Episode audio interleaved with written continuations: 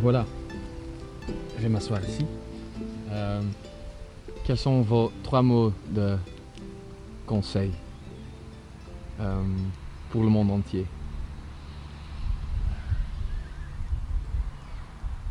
Aimer les gens, Aimer les gens. aimer les gens, oui.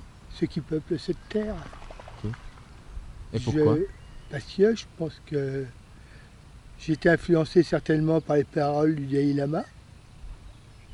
Peut-être d'autres religions, mais pas les gens qui avaient une idée euh, pure de la religion et non une idée politique, comme ce fut le cas durant toutes ces, ces- ces- des centaines d'années, presque des millénaires. Mhm.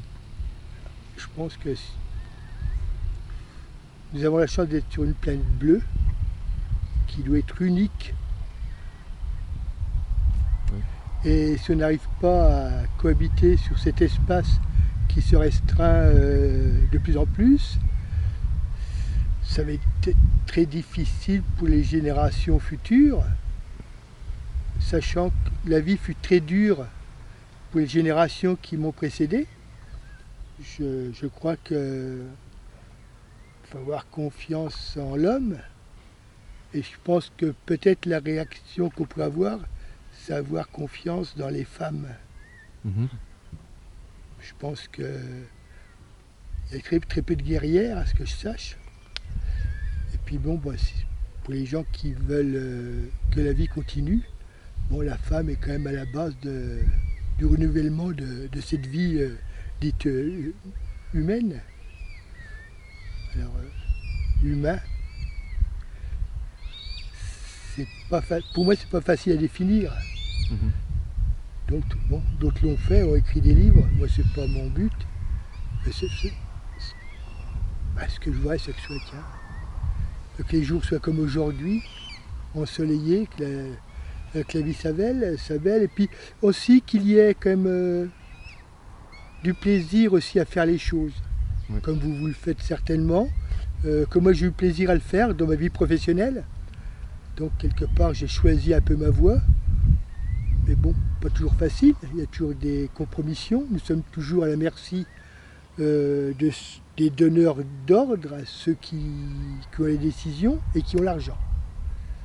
Alors, Mhm. argent, le drame de la planète. voilà. Ben, le problème, j'ai le pardon ne peut pas exister parce qu'il faut qu'il y ait une mémoire. L'oubli, ça se fait euh, de façon euh, involontaire ou volontaire, mais il faut quand même savoir qu'il y a des gens qui, qui font du mal à- dans cette société. Alors donc, Mhm. bon, je crois que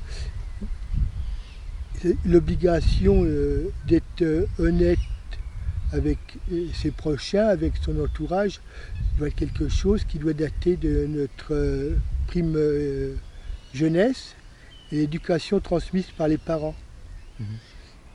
La personne qui devrait nous représenter auprès des instances de, de l'État devrait avoir euh, au moins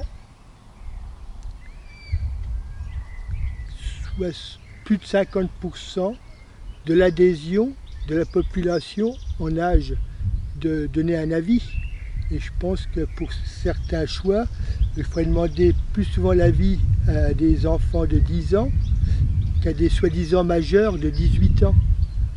Je pense qu'il y a beaucoup plus de, de choses à apprendre, certainement des enfants. Ils sont plus sensibles, ils ont une idée beaucoup plus euh, idyllique peut-être de ce que peut être la vie. Et je pense qu'on retiendrait leurs idées. Euh, nous adultes serions meilleurs dans nos réflexions et serons plus affûtés. Voilà. Vous avez des enfants? Non, j'ai pensé, mais il était trop tard. J'ai eu, une vie. euh, bon, je sais que mes parents, euh, malgré leur travail, ont consacré quand même du temps et m'ont laissé beaucoup de liberté. Oui. C'est important la liberté pour vous? Oui. La liberté, c'est quand même sortir de certaines contraintes euh, euh, que l'on peut vous imposer. Hein. Pense c'est certaines idéologies. Je vis dans un petit village actuellement, après avoir quand même pas mal vécu sur euh, la capitale Paris.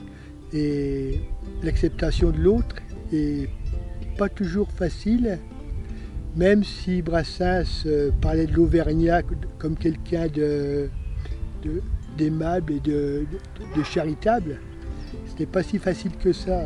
Ok, très bien. Bonne route. Merci beaucoup, Denis. Au revoir, madame. Au revoir.